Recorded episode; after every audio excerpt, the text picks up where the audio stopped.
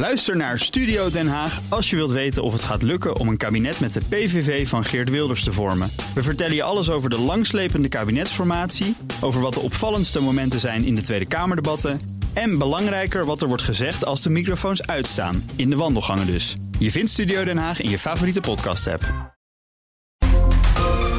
Heb jij de BNR-app al? Met breaking news in de podcast BNR Beurs. Download de app en blijf scherp. BNR Nieuwsradio. BNR breekt. Ivan Verrips. Goedemorgen en welkom. Vanaf half twaalf praat ik over het nieuws van de dag. Over de waarschijnlijke dood van een van Ruslands meest besproken kopstukken, Yevgeny Prigozhin van Wagner. Die lijkt met zijn zakenvliegtuig te zijn neergeschoten. En over huilende kinderen. Want als het aan Corendon ligt, kun je straks voor 45 euro een vliegtuig zonder jankende baby's boeken. Gaat mijn panelleden dat doen? Dat ga ik ze zo meteen vragen. En het zijn vandaag Emma Verschuren, oprichter van Emma's Tax Law. Goedemorgen, Emma. Goedemorgen. Fijn dat je er bent. En Bob den Oude, voorzitter van de Jonge Socialisten. Goedemorgen. Goedemorgen. Fijn dat je er bent. We beginnen met... BNR breekt. Breekijzer. Heeft te maken vandaag eh, met de uh, pomp. Want vanaf volgend jaar ga je waarschijnlijk een tientje meer kwijt zijn bij een volle tank. Door een prijsverhoging betaal je straks uh, 21 cent meer per liter benzine... en bijna 14 cent per liter diesel. Althans, prijsverhoging en ja, accijnsverlaging die weer wordt teruggedraaid. En die getallen die blijken allemaal antwoorden van staatssecretaris Van Rij... op Kamervragen van Pieter Omtzigt. Ik zei het al, prijsstijging bestaat dus uit het terugdraaien van een verlaging van de accijnsen. Ook komt er nog eens een inflatiecorrectie overheen. En daar wordt dan nog een keer BTW over gerekend. Komt er wel op neer dat we in Nederland straks zo'n 36 cent per liter uh, meer kwijt zijn dan in België. Als het gaat om benzine. Maar er is nog wat hoop. Het demissionaire kabinet kan natuurlijk de aankomende verhoging nog schrappen. Of op een, een of andere manier compenseren. Aan de andere kant, ja, de staat kan de inkomsten ook wel gebruiken wellicht. Want we willen ook allerlei uh, zaken geld aan uitgeven. Denk aan armoedebestrijding. Hebben we allemaal gisteren besproken in onze uitzending. Ons breekijzer vandaag is autorijden moet niet nog duurder worden. En ik ben heel benieuwd hoe jij erover denkt. Ben je het daarmee eens? En kan je het echt niet maken om mensen in deze tijd meer te laten betalen voor ja, hun auto? Of ben je het ermee oneens? En is dit nou eenmaal ja, het gevolg van de energiecrisis? Afspraak is afspraak. En misschien verleid je zo nog wat uh, mensen het OV in. 020 468 4 keer 0 is ons telefoonnummer. 020 468 4 keer 0 Nu bellen, kom je zo meteen in de uitzending. Je kan ook stemmen via de stories van BNR Nieuwsradio op Instagram. Krijg je over een minuutje of 20 een tussenstand. Nou, iets minder. 18 minuten een tussenstand van me. En maar het leukste is als je even belt. 020 468 4 keer 0 Zometeen hoor je hoe Bob en Emma erover denken. Maar ik begin bij Erik Verhoef. Hij is vervoerseconoom aan de Vrije Universiteit. Goedemorgen. Goedemorgen. Autorijden moet niet nog duurder worden. Wat zegt u?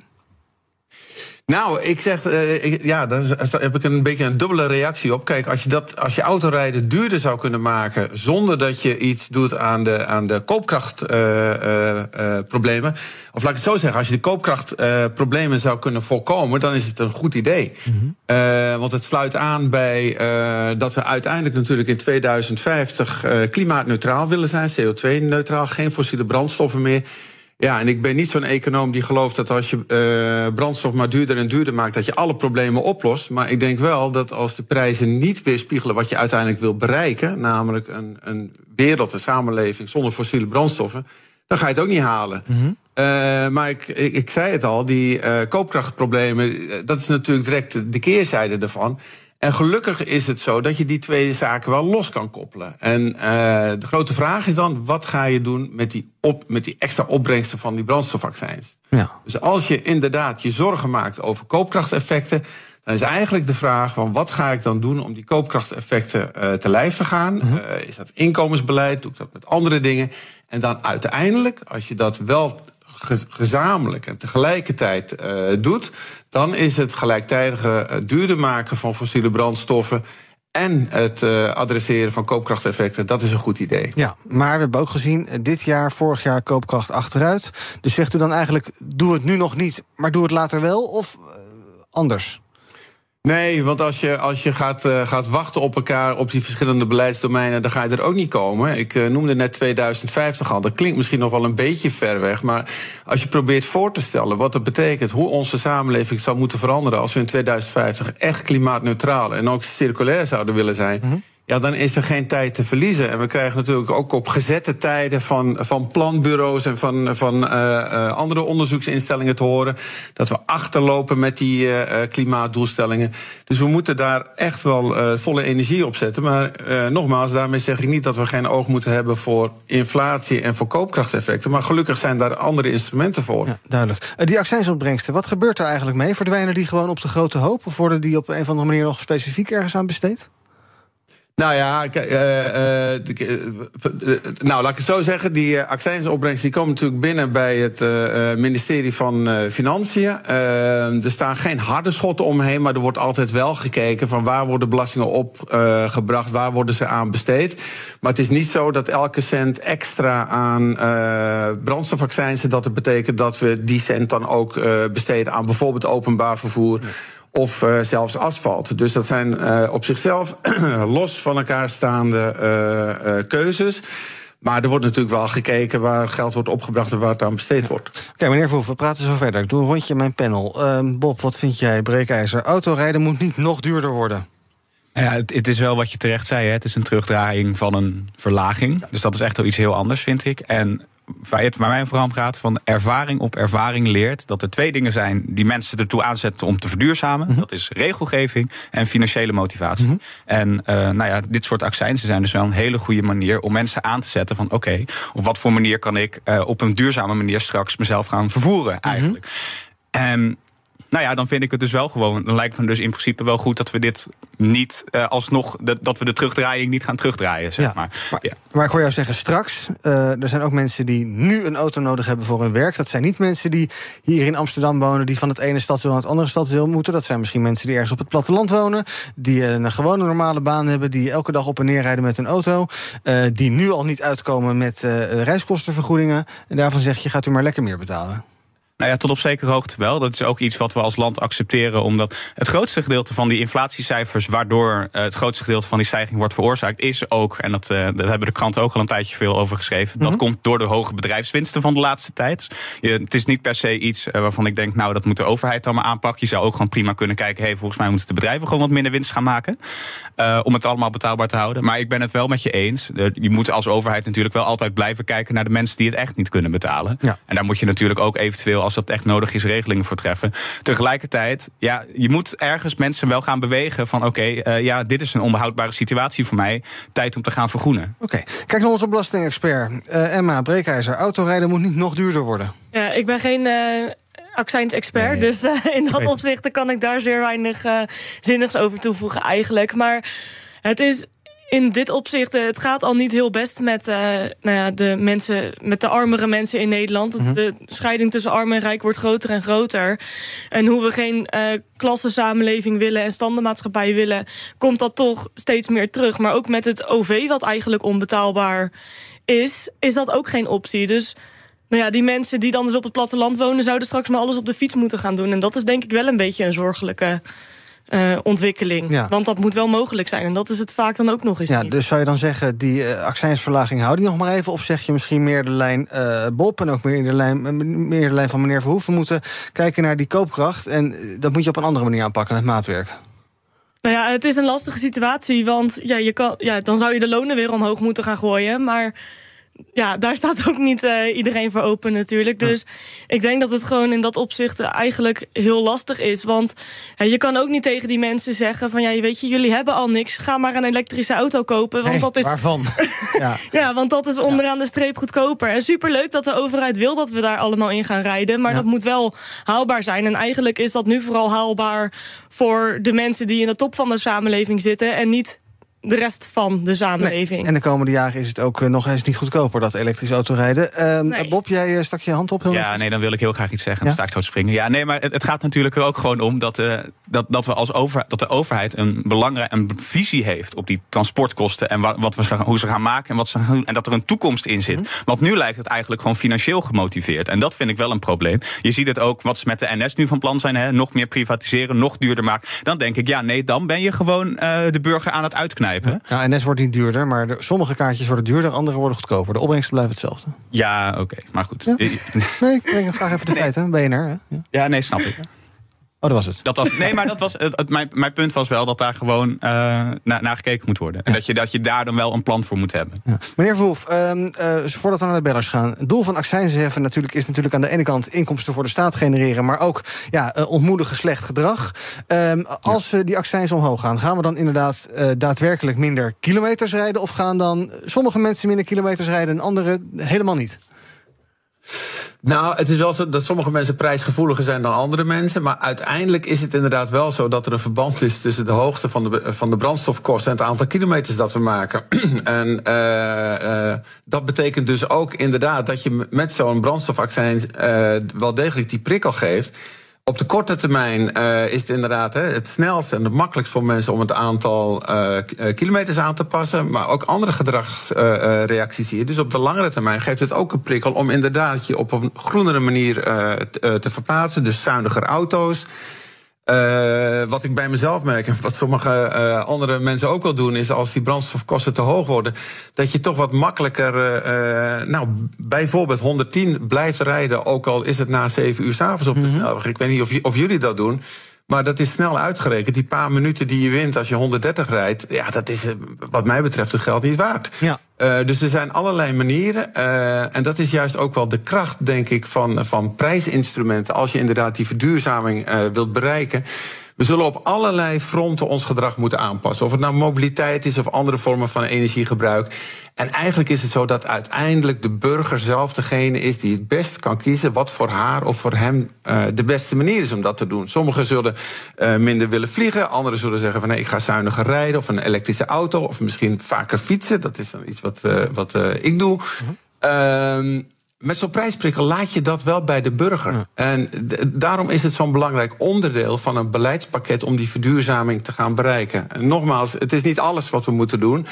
Maar het is er wel een onderdeel van. Want als die prijzen niet weerspiegelen uh, wat we uiteindelijk willen bereiken. Ja, dan is het echt nou bijna letterlijk uh, dweilen met de kraan open. Want dan geef je met je prijzen helemaal de verkeerde signalen. Ja. Waarom is brandstof eigenlijk bij ons zo duur? Ik geloof een liter E, uh, E5 of iets dergelijks, of E10 nu 2,20 euro, 2,22 euro. Als ik dan in een lijstje bij de ANWB kijk, zie ik daar voorbij komen 1,40 euro, 1 euro eh, benzineprijs in Europa, 1,40 euro, 1,30 euro, 1,50 euro, 1,60 euro. Waarom schieten wij er zo ontzettend bovenuit? Nou, dat is in het verleden zijn dat echt uh, politieke keuze ge, uh, geweest. Dus in al die afwegingen, en we hadden het net al inderdaad over de, de milieueffecten. Maar iets anders is brandstofaccijns en daarvoor geldt. Nou, vanzelfsprekend, als je meer rijdt, dan betaal je meer. En dat betekent in feite ook als je een hoger inkomen hebt. Hè, want het aantal autokilometers stijgt natuurlijk ook in met het, met het inkomen. Uh, ja, dat zijn overwegingen geweest in het verleden ook voor de overheid om te zeggen van nou dat is een van de instrumenten die we willen inzetten om uh, uh, belastingopbrengsten te genereren. Dus dat is één manier om ervoor te zorgen dat de publieke uitgaven die we doen aan mobiliteit, dus denk aan de aanleg of de verbreding of het onderhoud van wegen, ja. maar ook het, het aanleggen van, van openbaar vervoer, het aanbieden van openbaar vervoer, daar zit per saldo natuurlijk ook een behoorlijke subsidie op. Uh, ja, dat moeten we op een of andere manier uh, financieren. Gratis geld helaas be, uh, bestaat niet. Nee. Dus het is inderdaad toch een politieke keuze van waar leg je die belastingdruk en wat ga je vervolgens met dat geld doen? En dat heeft in Nederland inderdaad geleid tot die uitkomst. En ook jarenlange discussies over wat dan soms wel wordt genoemd de onvermijdelijke pomphouders in de grensstreek. Ja. Uh, want dat is natuurlijk ook nog een element wat nog niet benoemd is. Maar ik verwacht dat, uh, nou, ook als zometeen luisteraars gaan uh, inbellen, mm. dat we dat thema ook nog wel aan bod krijgen. Nou, weet u, laten we dat maar gelijk doen. 020 468 4x0. Autorijden moet niet nog duurder worden. Ik ben heel benieuwd hoe jij erover denkt. Meneer of mevrouw Michielsens, goedemorgen. Goedemorgen. Meneer dus, zeg het maar. Um, ik denk dat we in eerste instantie af moeten met die negatieve prikkels. Als we mensen willen prikkelen, dan willen we iets positiefs doen en dan moeten we ze niet gaan straffen. Mm. Dat is punt één. Punt twee, uh, denk ik dat uh, we moeten stoppen met het verhogen van de autokosten door de inflatie. Als er 10% inflatie is die we moeten corrigeren, dan hebben we daar uh, de overheid voor betaald via onze belastingcenten om ervoor te zorgen dat dat bij 2% blijft ongeveer in Europa. Ja. Dus ga dan niet ook de mensen weer straffen met 8% extra. Ja, want dan krijg je een soort uh, accijnsprijsspiraal. Dank voor het bellen, meneer Michielsens. Even kijken. Meneer Huigens, goedemorgen. Met Huigens, goedemorgen. Dag, zeg het maar. Ik wou graag reageren. Uh, de prijzen hoeven voor mij van benzine niet hoger te worden. Hoewel natuurlijk het argument heel zuiver is. Die, die vervuilt betaalt. Mm maar ik wil graag op heel andere argumenten wijzen.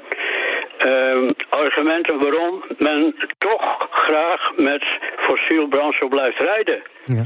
Dan moet ik wel de duivel van advocaat spelen. En dat is dat mensen die elektrisch gaan rijden... er zelf niet in geloven dat dit het argument is om aan het doel te beantwoorden om alles schoon te krijgen. Je zal, je zal een elektrische auto kopen. En de, de, de, hoe heet dat? de brandstofprijzen worden weer veranderd. Mhm. Dan heb je de kat in de zak gekocht. Maar nog erger is dat, uh, dat ook de onduidelijkheid of, of schoon, schone brandstof het antwoord is, dat gelooft niemand. Hm. De kolen, de kolen moeten blijven, de kolen moeten blijven verstookt. Die worden toch nog steeds verstookt. Hm. En uh, eens even kijken, ja, ik kan nog veel meer argumenten. Nee, we, we, gaan een andere keer verder. Dank u wel, meneer Huigens, voor het bellen. We hebben meer bellers, dus dat wil ik ook even aan het woord laten nog. Bijvoorbeeld Fred. Dag Fred. Goedemorgen, met Fred uit Den Bosch. Zeg het maar. Ja, het gaat uh, om het volgende. Je ziet in Nederland de meeste APK-gekeurde auto's. Ja. Als je kijkt naar Albanië, dan is het autopark nogal verouderd. Ja. En hoe komt dat? Je moet daar regionaal kijken. Regionaal, grootstedelijk, is het openbaar vervoer redelijk. Mhm. Maar het openbaar vervoer regionaal is erg slecht. Je, ziet, je ziet grote problemen bij bushaltes. En daar moeten we wat meer op letten. Dank, Fred, voor het bellen. Even kijken, twee bellers nog. Uh, Hanny, goedemorgen. Hanny? Ja, goeiedag. Uh, u spreekt met Hanny Haken. Uh, het volgende, ik woon in Tilburg. Ja. Ik denk niet dat ik nog één liter hier in Nederland uh, getankt heb. -hmm. Tenminste mijn man niet, want ik rij een elektrische scooter, ik heb geen rijbewijs. Mhm. Maar de boodschappen zijn nog ook goedkoper. Ja. Zowel ook in Duitsland. En ik heb eens een keer opgeteld hoeveel btw ik in België betaal. Ja. Maar daar is de rest van uh, die rij die daar staat, die betaalt daar ook de Belgische BTW. En op een gegeven moment zoek je uit waar ook in België het goedkoopst is. Dus niet aan de grens, maar een eindje verderop. En daar zitten we vorige week aan 1,73 euro. Kijk. Dus. Ja. ja. Maar goed, dan lopen we dus al met belastinginkomsten hier mis. Ik ga het zo nog even bespreken met meneer Verhoef. Dank voor het bellen. Karim, goedemorgen. Ja, nou, goedemorgen. Uh, met, met Utrecht. Ja. ja, ik had uh, eigenlijk de uh, mening van de, de automobilist is altijd de pineut. Ja. we betalen al heel veel belasting, middels wegenbelasting, et cetera. en er komt nu dus weer een nieuwe belasting bovenop, of eigenlijk een verhoging van 10 procent. Mm -hmm. de 10% inflatiecorrectie, die inflatie is er eigenlijk al niet meer. Ja. Uh, ja, wij moeten dus de, als automobilisten constant maar uh, de, de, ja, ja, blijven betalen. Ja, en daar ben je niet zo blij mee. Dank voor het bellen. Karim, een um, um, paar dingen gehoord, meneer Verhoef. Uh, het buitenland, nou, hebben we net al even kort besproken. Inderdaad, mensen die de auto pakken. Het loont, ja, het, het, gaat steeds meer lonen om van steeds verder om te rijden. en er gelijk een dagje voor te maken. Dan sla je gelijk je alcohol in. Dat is ook goedkoper in Duitsland. En je boodschap, heb je dat ook maar weer gedaan? Nou, daar kan je allerlei vragen stellen als het gaat om de Nederlandse economie. Dat openbaar vervoer, dat is bij ons in Nederland ook niet bepaald een koopje. Als je naar Eurostat-cijfers kijkt, dan zijn we niet bepaald de goedkoopste. Nee, nee. nee. maar uh, uh, ook daar zijn weer twee dingen. Hè, van wat is de prijs van het kaartje en wat zijn uiteindelijk de kosten van het aanbieden van het openbaar vervoer. Uh, want alles wat je niet via het kaartje in rekening brengt, dat breng je via andere belastingen in rekening. Dus bij ons ligt die balans inderdaad zodanig dat de reiziger wat meer of een wat groter aandeel betaalt. Maar het gaat altijd nog subsidie bij het openbaar vervoer, bij grote delen van het openbaar vervoer. Mm -hmm. Maar dat punt, ik weet, ik geloof dat het de derde inbeller was, als mijn, mijn lijstje nog klopt, ja. Over dat uh, regionale openbaar vervoer. Nou, dan wil ik ook graag toch even een, op, een optimistische noot uh, uh, plaatsen. Want ook al hebben we nu de laatste jaren heel veel discussies over problemen in het OV. Ik voorspel toch een heel mooie toekomst voor het OV. En dat heeft inderdaad te maken met het feit dat als we in 2050 inderdaad klimaatneutraal ons willen verplaatsen, dan is ook niet de elektrische auto de oplossing. Natuurlijk zullen er nog steeds individuele auto's zijn. Maar de heel simpele natuurkunde dat je in een auto, als je daar alleen in zit, bij wijze van spreken 1500 kilo met je meesleept, mm -hmm. ja, dat is geen goede manier van uh, energie gebruiken. Dus we zullen ook een verschuiving richting het OV zien. En het goede nieuws daarvan is dat openbaar vervoer over het algemeen ook beter gaat presteren op het moment dat die uh, reizigersaantallen toenemen. Dan kun je hogere frequenties bieden, dan kun je meer haltes uh, uh, aanbieden, dichtere mm -hmm. netwerken allerlei dingen die het openbaar vervoer dan ook weer aantrekkelijker maken. En die ook weer voor extra verschuiving naar het OV kunnen zorgen. Dus ik ben het helemaal eens met de, met de beller die zegt: uh, uh, daar moeten we naar kijken. Ik denk dat we het nu niet moeten laten verslonsen, omdat we nu problemen hebben in het OV. En nu inderdaad echt het moeten willen stutten ook, omdat we dat in de toekomst. En dan heb ik het echt over de, binnen een paar decennia alleen maar meer en meer gaan uh, nodig hebben. De eerste beller die zei iets over ja, uh, beprijzen, belonen. Hè. Moeten we nou straffen of, of moeten we nu uh, belonen? Ja. Ik denk als je die um, uh, hele belastingstructuur rond mobiliteit op een goede manier aanpast, dan zal het ook zijn dat mensen die tussen aanhalingstekens het goede gedrag laten zien, dat die per saldo ook beloond worden. Hm. Je hebt het bijvoorbeeld ook hè, bij discussies rond kilometerheffing. Als dat in plaats komt van de motorrijtuigenbelasting, dat is degene die minder rijdt aan het eind van het jaar, heeft zij of hij ook per saldo een, een beloning. Dus het is heel belangrijk dat je die balans uh, inderdaad goed in de, in de gaten houdt. Ja. Uh, die elektrische auto, welke rol ziet u daar dan voor, voor weggelegd? Door sommigen wordt dat ja geprezen als de toekomst. Maar ik hoor u eigenlijk zeggen van ja, uh, nou ja, het zal vast een onderdeeltje zijn van de toekomst. Als je met je portemonnee denkt, dan gaat dat de komende jaren sowieso niet uit. Maar welke rol ziet u daar dan voor die, voor die elektrische auto weggelegd? Nou, ik denk dat er altijd een, een, een, belangrijke rol voor individueel vervoer blijft. Ook inderdaad in, in die delen van uh, Nederland waar ander vervoer toch altijd een wat lagere kwaliteit zal hebben, omdat de dichtheid niet uh, groot genoeg is. Maar ik denk dat we vaker zullen zien dat mensen gaan uh, auto delen. We zien natuurlijk op allerlei, in allerlei gebieden van de samenleving de zogeheten deeleconomie ook groeien. Ja, en bij een auto, en zeker als de vaste kosten daarvan hoger zijn, en zeker ook als we per kilometer uh, wat vaker gaan kiezen voor andere vervoerswijzen, zoals de fatbike, of de elektrische fiets, of de gewone fiets, of het openbaar vervoer. Ja, dan gaat het. Hè, als, als je zo'n auto zelf ook wat vaker laat staan, dan wordt het ook weer nog aantrekkelijker om dat uh, te gaan delen. Dus ik denk wel dat we elektrische auto's uh, zullen zien. Maar we zullen hem vaker delen. En we moeten ons er ook mentaal al een beetje op voorbereiden. Kijk, we hebben het nu over schommelingen in brandstofprijzen die over nou, tijden van maanden gaan. Als energie duurzaam wordt opgewekt en uh, een kilowattuur duurder wordt als de, bij wijze van spreken de zon niet schijnt en de wind niet waait, dan zullen we ook binnen de week of binnen de dag zelfs uh, schommelingen in, in uh, prijzen krijgen, ook voor mobiliteit. Hm. Dus ook dat zal ervoor zorgen dat we toch heel goed moeten gaan kijken naar, uh, naar alternatieven. En het delen van een auto, ja, dat zal uh, uh, wat dat betreft ook alleen maar aantrekkelijker worden. En misschien is dat maar goed ook. Ja. Want die circulariteit die ik noemde, vergis je niet, als je een elektrische auto gebouwd hebt dan heb je al ongeveer de helft van de CO2-uitstoot gehad van een reguliere auto. Dus het is ook niet zo dat we moeten denken dat dat allemaal klimaatneutraal is, een elektrische auto. Dus alleen in het gebruik niet in de bouw. Nee, precies. En dat delen dat moet ook nog heel erg van de grond komen. Want dat is nog niet zo'n uh, succes momenteel. Nee. Uh, laten we, uh, ik loop toch al gierend uit, dus ook nog even twee bellers aan het woord laten. Jacob, goedemorgen in de auto, geloof ik. Zeg het maar. Ja, goedemorgen. Ik uh, gaf aan als ik in het buitenland rij, uh, Frankrijk of Italië, moet ik bij gebruik van uh, autostrada's of tolwegen gewoon tol betalen. Rijd ik door Zwitserland, moet ik een vignet kopen. Geen probleem mee, want ik maak gebruik van hun faciliteiten. Ja. is natuurlijk moeilijk om dat in te voeren gezien Europese wetgeving, maar we praten over een verenigd Europa. Waarom in bepaalde landen wel tolheffing vignetten en in Nederland niet? En zeker ook niet in Duitsland met het perfecte wegennet wat men daar heeft. Alle respect daarvoor. Ja. Maar ja, uh, iemand die gebruik ergens van maakt, moet daarvoor betalen. Ja, duidelijk. Dank voor je oproep. Moeten we invoeren, zeg jij. En tot slot, Michael of Michael, goedemorgen. Goeiedag, Michael. Ja, ik ben ook gedeeltelijk mee eens dat we inderdaad ons gedrag moeten gaan aanpassen. Waardoor de prijzen zodanig te verhogen krijg je dus dat mobiliteit over het algemeen al te duur wordt. Uh, uh, bij openbaar vervoer als particulier. Gaan we niet een bepaalde groep een lichte dwang op, op, opleggen om, om hun gedrag aan te passen. In plaats van dat we iedereen hun gedrag moeten laten aanpassen. Ja, dat mensen die het niet kunnen betalen verplicht thuis moeten blijven. Nou, dat is misschien wel een aardige vraag om even mee te eindigen. Ook voor Bob. Ik kijk even naar het politieke aspect ook. Er wordt nu gesproken over de miljoenennota. Die wordt weer gepresenteerd op de derde dinsdag in september.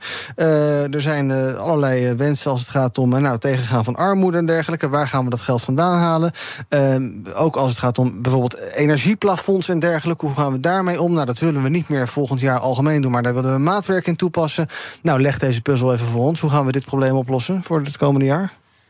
Als in het, het, hele sociale aspect nou, of puur de... Ik bedoel eigenlijk vooral dit benzineverhaal. Uh, ja, hoe ga je ervoor zorgen dat, dat, dat iedereen ook dit kan meemaken? Oeh, nou, dat maak je me wel heel lastig hoor. Voor, ja, nee, fijn. Of, of, zo, leuk. Uh, nou, ik denk dat je er niet, niet aan gaat. Niet, ja, natuurlijk. Ja, nee, dat kan gewoon. Nee, maar uh, de, ik denk dat je er niet aan gaat ontkomen dat je deze uh, terugdraaiing van de verlaging niet gaat terugdraaien. Uh, ik denk dat je meer moet investeren in spoorwegen. En dat je misschien ook moet accepteren dat je het rendement wat wij daar vanuit de NS van krijgen, wat lager gaat zijn de komende 20, 30 jaar. Hm. Jij nog ideeën, Emma? Nou ja, het openbaar vervoer moet gewoon betaalbaar zijn. En dat is op, op, dit moment ook niet echt. Dus als je het autorijden duurder maakt, moet daar wel een goedkopere vervanging voor komen. En dat is er niet. Op dit moment in ieder geval. Ik dank in ieder geval alvast Erik Verhoef. Hij is vervoerseconoom aan de Vrije Universiteit. Um, op onze Instagram-pagina kan je nog de hele dag reageren op het breekijzer. Autorijden moet niet nog duurder worden. Als je dat doet, dan uh, zie je dat momenteel de tussenstand uh, ergens ligt rond de 80% eens. Ah. Dus toch 20% ook oneens. Interessant. Uh, daar kan je nog de hele dag van je laten horen. En zo meteen ga ik verder praten met Emma en Bob over het nieuws van de dag. Natuurlijk over... Joep, твою мать! Jep, Ja, dit zijn mensen die in het Russisch reageren op het neerstorten van het. Uh, wat? Die zagen dat gebeuren. Ja, nee, Helemaal niet leuk. Het toestel nee. van Yevgeny Prigozhin. Um, en we gaan het hebben over België. Dat gaat namelijk de strijd aan met banken. En je kan nu je spaargeld tegen bijna 3% rente bij de staat zelf wegzetten. Een staatsbon. Um, het land hoopt de banken daar een beetje onder druk te zetten om de rentes te verhogen. Is dat een goed idee? Moeten we dat ook gaan doen? Gaan we zo bespreken in het tweede deel.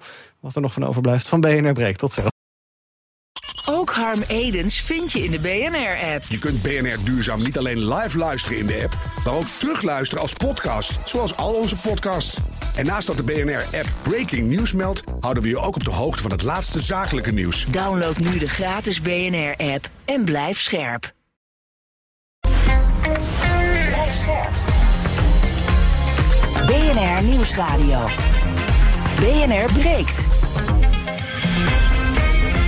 Ivan Verrips. Goedemiddag. Bijna. Eh, in mijn panel vandaag Emma Verschuren, oprichter van Emma's Tax Law... en Bob den Oude, voorzitter van de Jonge Socialisten. We gaan praten over het nieuws van de dag en dat begint in Tver plaatsje vlakbij Moskou. Daar stortte gisteren in de uh, buurt dus van Moskou een vliegtuig neer. De Russische luchtvaartautoriteit bevestigt dat de leider van de Wagner-groep... Yevgeny Prigozhin en zijn rechterhand... en ook de naamgever van de Wagner-groep in dat toestel zaten.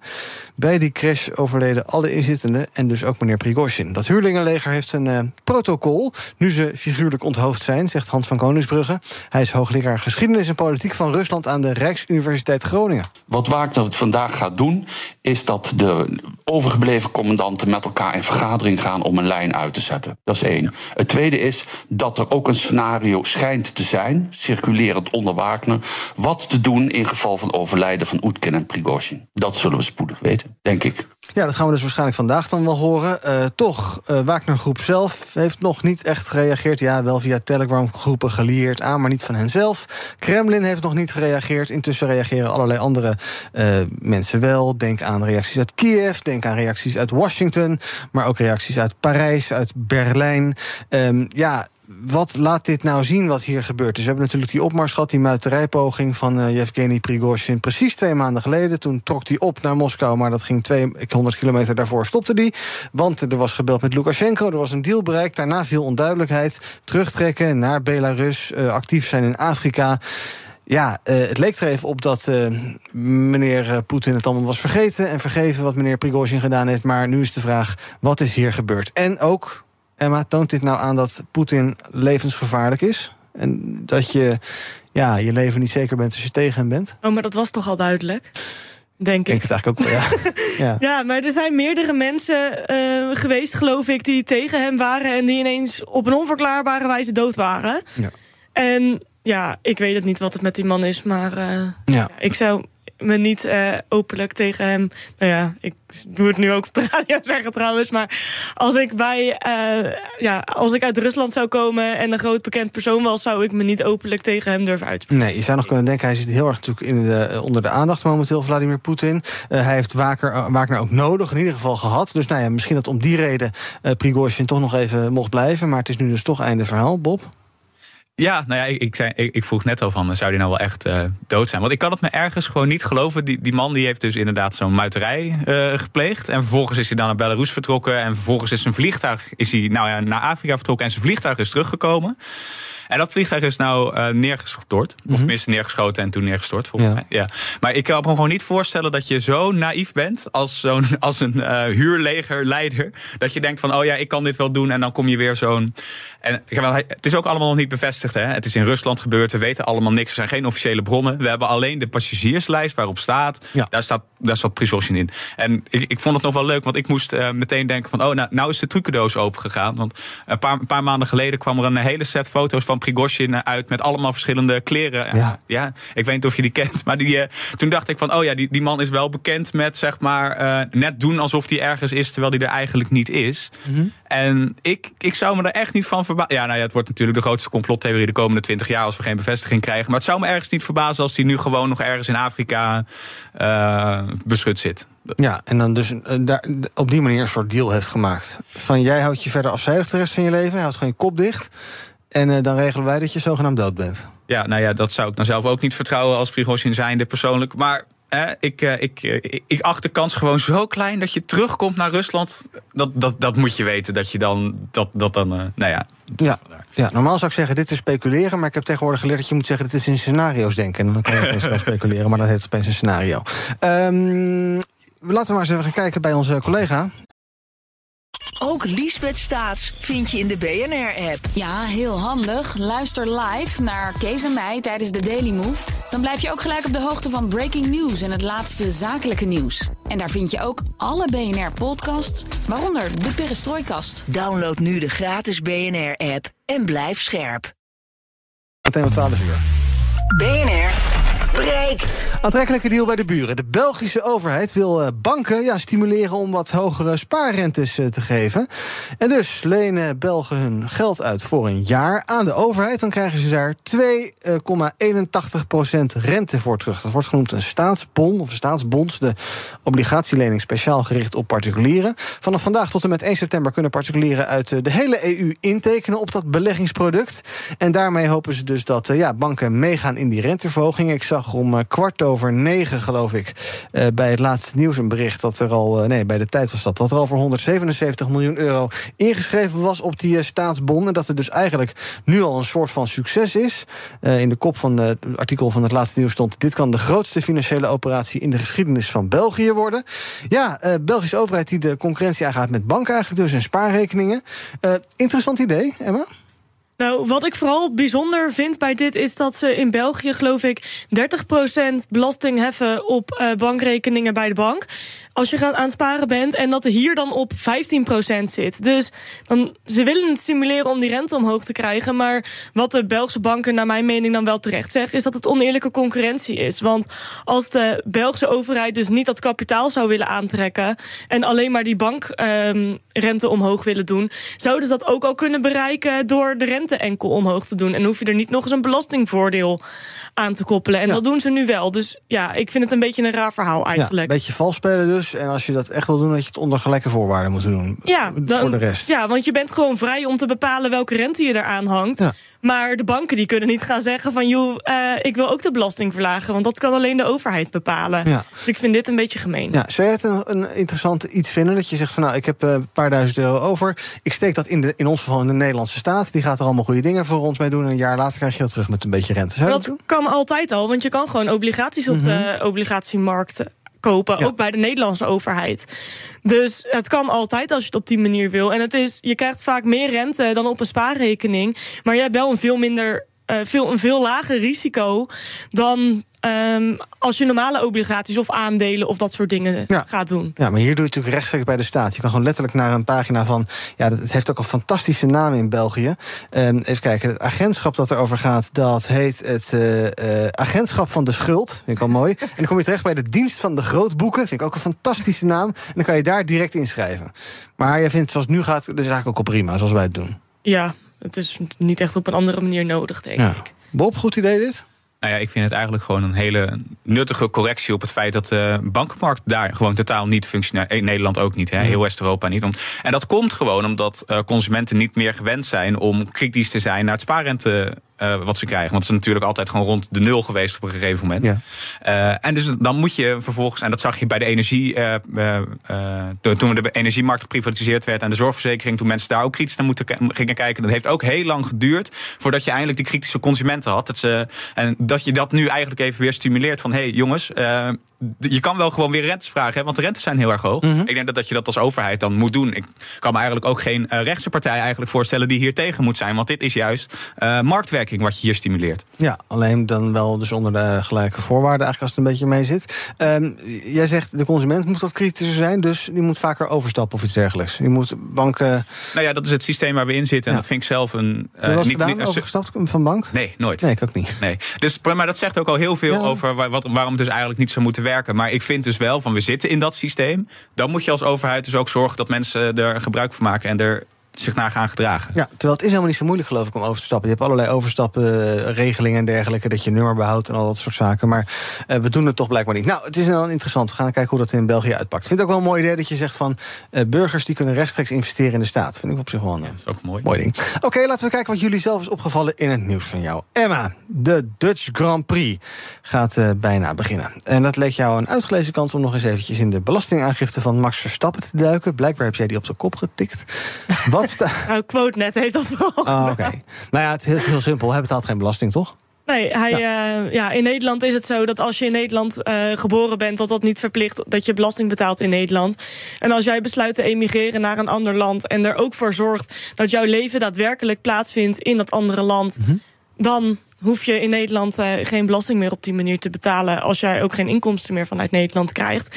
En Monaco, die, uh, nou, dat is gewoon een heel rijk land. die eigenlijk nagenoeg geen belasting betaalt. En als jij daar staat dan wel tegenover dat de sociale voorzieningen natuurlijk ook veel minder zijn. Dus als jij naar het ziekenhuis of iets dergelijks gaat, is die bijdrage wel een stuk groter dan in -hmm. Nederland. Maar daardoor betaalt hij dus nagenoeg geen belasting um, in Nederland. Of volgens mij gewoon helemaal niks. Ja. En ook niet in Monaco dus. Maar um, voor Nederland blijft hij wel gewoon ja, de raceman, uh, et cetera. Ja. Dus we blijven hem gewoon zien als een fantastisch iets die echt Nederlands is. Terwijl die eigenlijk bij ons helemaal niks uh, ja, bijdraagt. Ja, Hollandse held, geboren in België, woonachtig in Monaco. Ja. Uh, dus uh, juich jij dan komend weekend voor Max Verstappen? Ik zag bij Rutger Brechtman, die heeft dat boekje geschreven... De meeste mensen deugen, die zegt... we moeten eigenlijk niet meer, uh, niet meer stoppen met juichen voor deze man. Want ja, hij krijgt allemaal mooie lintjes. officier in de orde van Oranje Nassau betaald door mensen... die wel netjes hun belasting betalen. En hij zegt, wat mij betreft, stoppen met juichen voor dit soort lui. Nou ja, het is een beetje dubbel. Ja, ik ben sowieso niet echt een racefan. Dus ik, ja, mijn vader en mijn broertje die gaan lekker naar uh, Zandvoort toe. Ik mm -hmm. uh, niet. Maar ja, het is wel zo dat bij heel veel mensen het morele besef van belasting betalen een beetje aan het verdwijnen is. En dat het allemaal maar goed gepraat wordt. Terwijl ik dan wel denk, ja, je verbindt je naam aan Nederland. Dus dan mag je ook wel een beetje bijdragen. Ja. Robert de Boek, je noemde de quote al eventjes. Hij is daar columnist. Hij zegt, doe gewoon zoals Amerika. Uh, als je daar geboren wordt, dan betaal je de rest van je leven daar belasting. Dat heeft ook nadelen, want je wordt de rest van je leven ook achtervolgd door Amerika. door de IRS, maar oké. Okay. Uh, zou dat wel een goed idee zijn, denk je? Om dit soort constructies te voorkomen, zeker. Ja. En het is niet alleen richting Monaco, maar het is richting veel meer landen waar uh, je dit probleem gaat krijgen. Ja, ja ik heb dus een beetje met de vieze smaak in je mond naar het komen. Nee, je gaat niet kijken. Of nee, nee, nee. Ik ook niet. Het is echt helemaal niks. Uh, Bob, je wil het toch even hebben over het uh, vertrek gedeeltelijk van Getir uit Nederland. Het is zo'n flitsbezorger. Ja. Een van de, nou, hoeveel waren het op het hoogtepunt? Vier of zo, die uh, wel rondkrosten door ons land... met allemaal boodschapjes die mensen niet wilden halen in de Albert Heijn... waar ze zelf boven woonden. Uh, ja, Bob, jammer. Weer een mooi bedrijf dat Nederland terug toekeert. Ja, al die flitsbezorgers gaan als een flits Nederland uit. Haha, nee, ja, dat is heel flauw. Nee, maar ik, ik, ik vind het dus gewoon een heel erg mooi signaal dat uh, Getir nu zegt dan, oh ja, het is dus inderdaad niet winstgevend. En dat, nou ja, je moet even bedenken, al die flitskapitalisten, dat is allemaal hele grote bedrijven, of tenminste niet eens hele grote bedrijven, gewoon ondernemers met heel veel uh, geld, uh, ja. van durfkapitalisten, zeg ik er maar even achter, die besloten hebben van, oké, okay, nou, volgens mij zijn de mensen wel zo lui dat we hier winst op kunnen gaan maken. En dan gaan we die hele markt gewoon domineren en er heel veel geld in pompen. en ja, dat werkt uiteindelijk niet. En dan, daar ben ik dan wel gewoon nou ja, kijk, je hebt met Uber en Airbnb is het bijvoorbeeld wel gelukt. Ja. Dat, dat vond ik ook een marktverstorende effecten hebben. Ja. Dus ik ben ergens, ik vond het wel goed om te zien dat, je, dat er toch nog ergens een grens zit aan hoeveel je met heel veel geld uh, de samenleving kan uh, aanpassen als je dat zou willen. Ben je nu wel blij met Uber en Airbnb of ook nog steeds niet aan? Nee, nee totaal niet. Ik vind nog steeds dat je er eigenlijk een democratisch initiatief uh, alternatief voor uh, Uber dan wel Airbnb zou moeten maken. Sowieso Airbnb verpest echt compleet binnensteden in, uh, nou ja, nu Rotterdam zelfs ook al. Terwijl, nou ja, we zitten nu in Amsterdam. Ik hoef denk ik niet uit te leggen dat het hier erg vervelend is met het feit dat je ja. overal maar ja. woningen kan huren. Er heeft een tijdje geleden hier op de stoep een soort container gestaan. Die werd verhuurd via Airbnb. Dat is bij onze garage achter. Dat was een fascinerend verhaal. Uiteindelijk is die weer weggehaald door de gemeente, geloof ik. In het parool, we, we hebben het inderdaad gehad over uh. In sommige steden stoppen ze er gewoon mee. Ze zeggen er valt niet genoeg droog brood mee te verdienen. In Amsterdam, de hoofdstad waar we nu zijn inderdaad, daar moeten wat vestigingen sluiten. Omdat uh, ja, een soort van ruzie heeft met de gemeente. Ze komen er maar niet uit. De gemeente wil overlast tegengaan van magazijnen in woonwijken. Um, um, ja, waarom is die gemeente zo bureaucratisch? Laat die ondernemers lekker doorgaan. Dat is even onzin. Nou ja, het hele idee. Dat is dus gewoon het grote probleem. En dat ze met heel veel geld denken van oké, okay, dan gelden de regels dus ook niet voor mij. En dan gaan we gewoon uh, ergens in een woonwijk zitten. En dan procederen we er gewoon net zo lang op los. Tot wij de realiteit zijn en ze niet om ons heen kunnen. Ja. En nou ja, dat blijkt toch fijn dat de gemeente nu eigenlijk uh, gewoon voet bij stuk houdt. Want ja, je kan wel zeggen die regeltjes. Maar die regeltjes die zijn er dus zodat mensen gewoon normaal in een woonwijk kunnen wonen. Oh ja, dat is waar. Ook. Dat is, nou ja, ik bedoel maar dus dat jij vindt het goed nieuws? Ik vind het goed nieuws, ja. Even kijken wat er trending is op de socials. Verkiezingen in Amerika is de strijd bij de Republikeinse Partij losgebarsten. Vannacht stonden acht Republikeinse kandidaten voor het eerst oog in oog voor een debat. En de grote afwezige, of zoals de presentator zei, de elephant not in the room, is Donald J. Trump. Maar zijn achterban was er wel. If former President Trump is convicted in a court of law, would you still support him as your party's choice? Please raise your hand if you would. En nu zee, ja, daar zijn ze. De Trump-fans, daar gingen zeven handen omhoog. Sommigen een beetje schoorvoetend. Fang Xing is trending. De reuzenpanda vertrekt weer naar China. Althans, weer is hier geboren. Jonge beer is de eerste panda die in Nederland geboren is. En Ouwans Dierenpark zwaait haar komende maand dus uit. Dus mocht je Fang Xing nog willen zien, nu is je kans. De oudere reuzenpandas blijven wel in oude hand. En de dierentuindirectie hoopt ook op nieuwe jongen. En speciaal voor Emma Zandvoort staat hoog in de lijstjes. Want ja, vanaf vandaag ongeveer het enige motorgeluid in de kustplaats. Sinds 5 uur vanochtend kom je er namelijk niet meer in met de auto. Alleen inwoners en ondernemers met een doorlaatbewijs. En de hulpdiensten, gelukkig, die mogen de kustplaatsen nog wel in. Pas zondagavond gaan de wegen naar Zandvoort weer open. En de ondernemers die eh, staan er eh, met uh, ja, ledenogen bij te kijken... want die gaan de komende dagen helemaal niets verdienen... hebben ze al aangemoedigd, aangekondigd. Tot slot, uh, als je vanaf november een vakantie hebt geboekt... naar Curaçao met Corendon, dan heb je geluk... want dan heb je, geen heb je hier geen last meer van.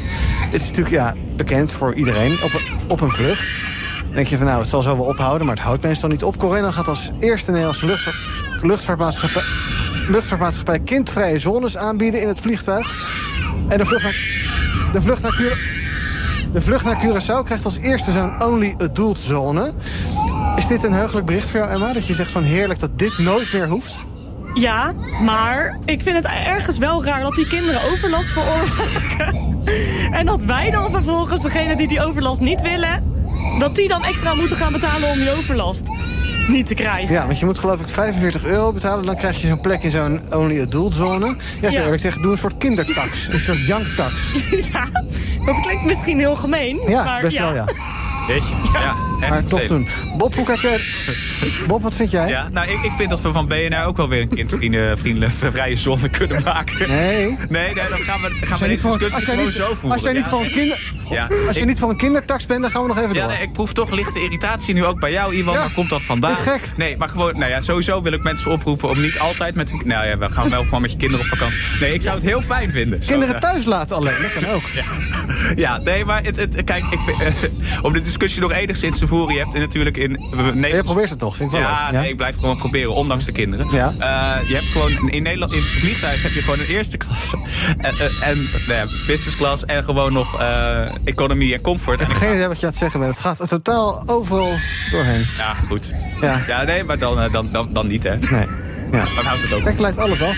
Ja. Wat is het volgende wat we gaan verbieden? Een bejaarde... Schoppen in stoelen. Oh ja, Oh, schoppen een tegen schoptax. stoelen, ja. Een bejaardentax. Ja. Nee. Ja, goed. Zullen we het muziekje ook onder eh, zaken doen laten staan twee uur lang? Ja, dat je die knop gewoon zo indrukt en dat ze hem er niet uit kunnen halen. Ja. Sommige mensen vinden dit het gemiddelde niveau van BNR Breek trouwens, wat je nu hoort. Oh, Wat wij aan het janken zijn. ja, kan. Hey, bedankt voor jullie aanwezigheid vandaag. Bob den Oude, voorzitter van de Jonge Socialisten... en Emma Verschuren van Emma's Textlaw. Morgen is BNR Breekt er weer. Dan de politieke editie eh, met twee Kamerleden die niet meer terugkeren. Tot die tijd volg je ons via de socials. En als je de radio aan laat staan... Oh, eindelijk even stilte. Oh nee, het gaat weer door. Thomas van Zel met Zaken doen. Tot morgen. Ook Liesbeth Staats vind je in de BNR-app. Ja, heel handig. Luister live naar Kees en mij tijdens de Daily Move. Dan blijf je ook gelijk op de hoogte van breaking news en het laatste zakelijke nieuws. En daar vind je ook alle BNR-podcasts, waaronder de Perestrooikast. Download nu de gratis BNR-app en blijf scherp.